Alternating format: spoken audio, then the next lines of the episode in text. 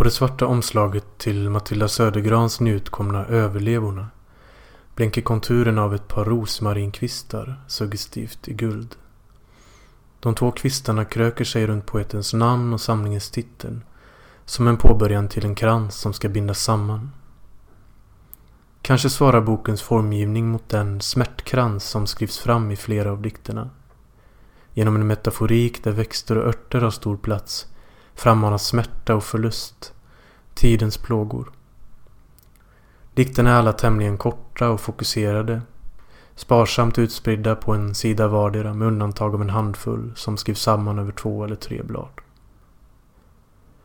I Södergrans femte diktsamling på tio år utforskar hon utöver sörjandets villkor också frågor om vila och rörelse, om stillhetens löften och risker samt poesins förhållande till kroppen.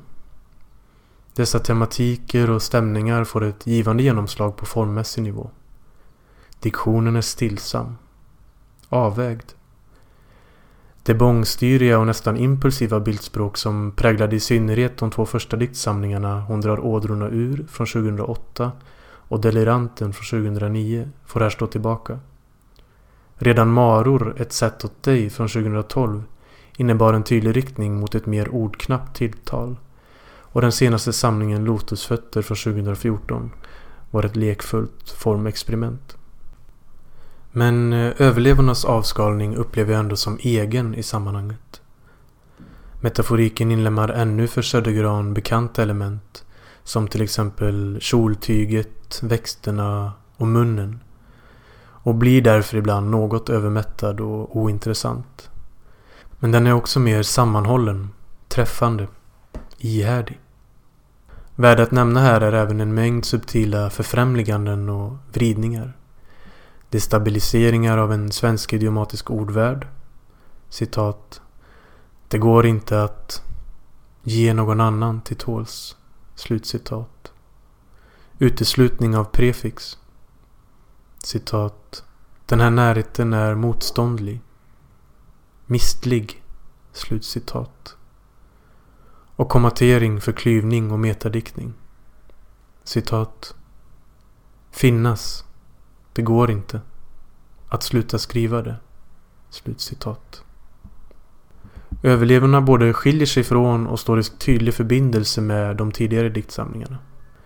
Som författaren Elisabeth Hjort påtalar i sitt bidrag till antologin Korsstygn rastplats om den finlandssvenska poesins belägenhet från 2016 har ett arbete med och mot blicken och dess ordning alltid haft en viktig funktion i Södergrans diktande. Att leva i och som kropp.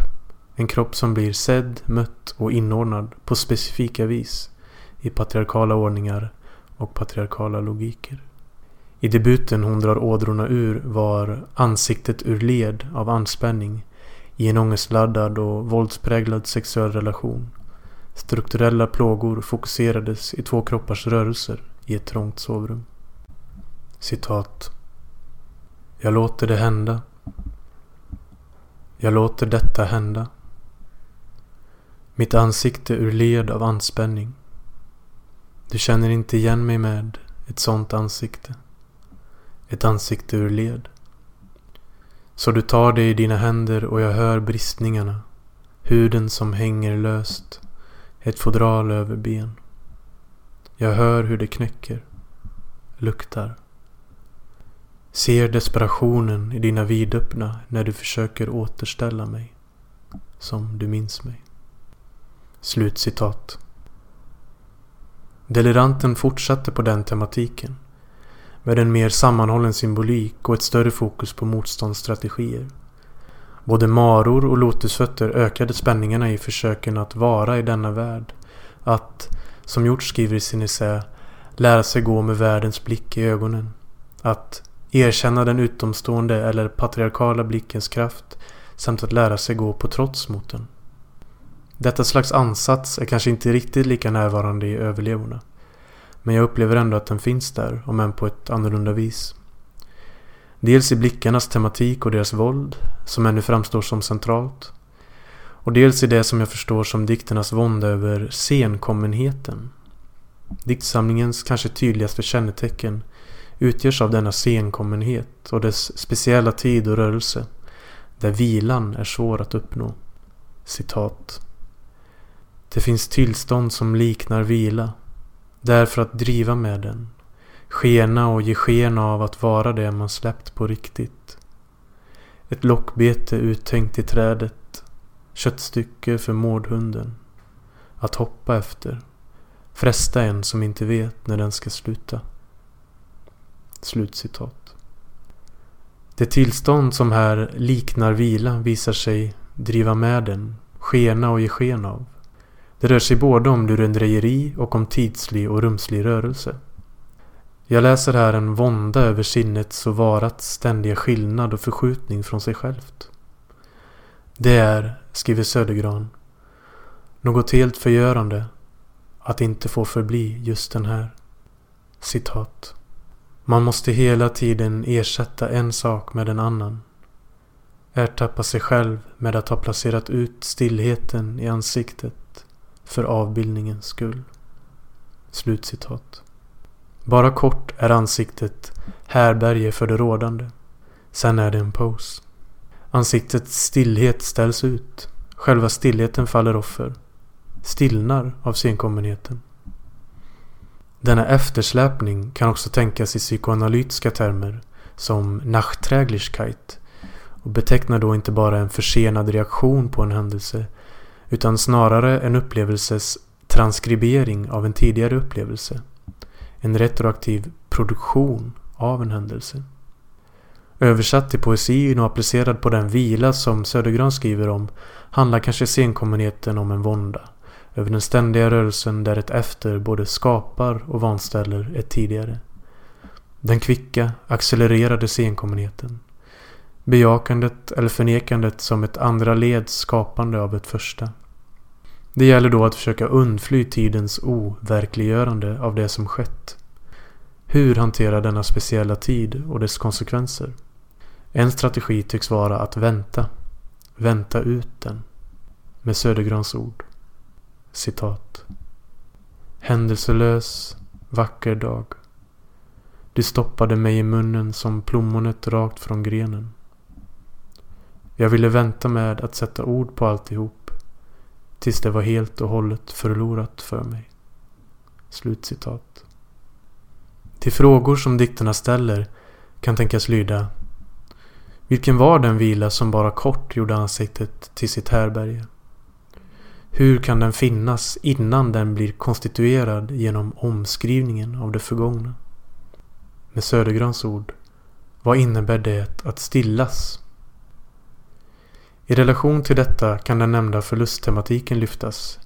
Den smärtkrans som rosmarinkvistarnas guldglimmer på omslaget påminner mig om varje gång jag ska öppna den vackra boken. Här formuleras citat Fantasin om sammanbrottet som ett fulländat urskuldande. Slutcitat. Och den tappade fattningen som det enda förlustbeviset. Det som sker är alltså en frustrerad uppgörelse med förståndets korrumperande av förlusten som händelse. Citat. Det fanns blod och det samlades runt hjärtat. Gränslösa fattningsförmåga. Vad vill du? Medgörlighetens förbannelse. Smärtkransen runt samtalet. Antipatierna kommer att ta sig hit förklädda till sans. Slutcitat. Smärtkransen gör sig gällande genomgående. Den binds av bland annat akleja, getpors, kallor och bockhornsklöver. Citat. Kransens omättliga hunger efter fler blommor. Att fästa runt huvudet.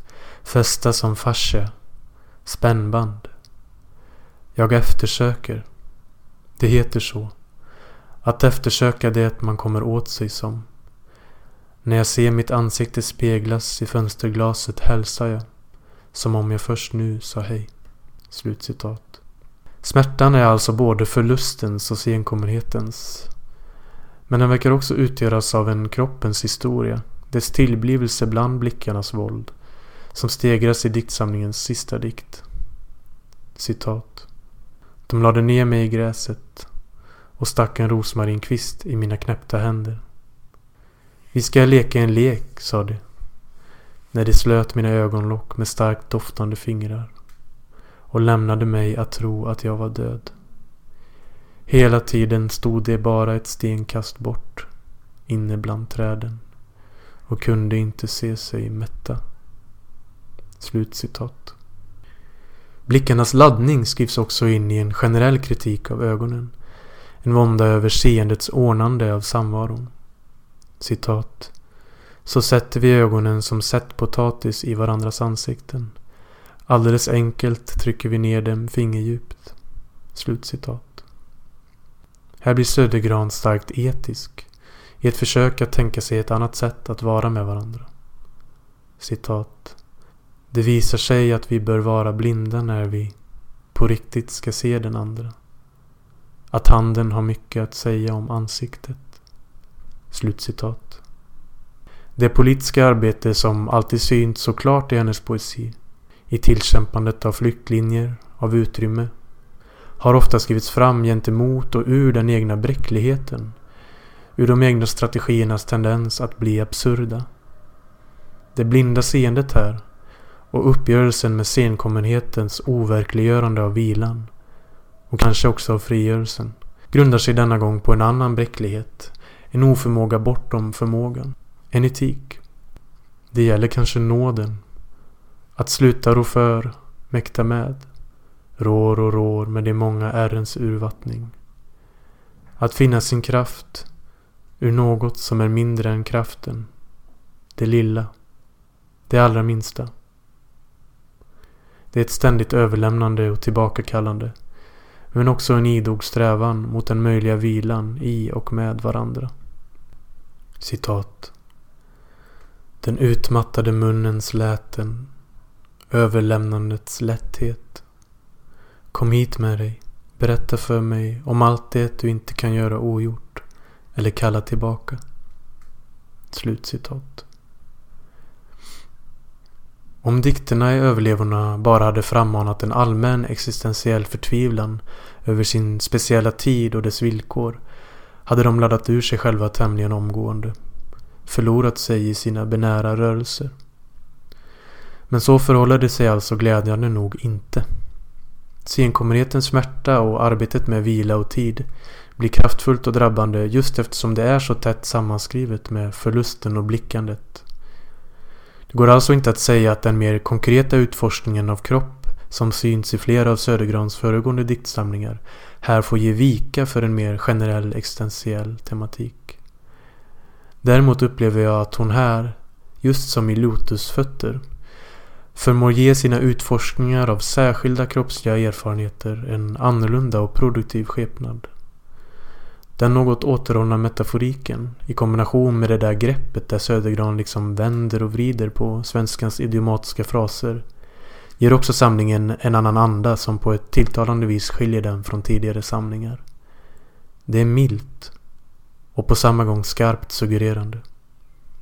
Rosmarinkvisten jäckar mig till exempel ännu och kommer fortsätta göra så.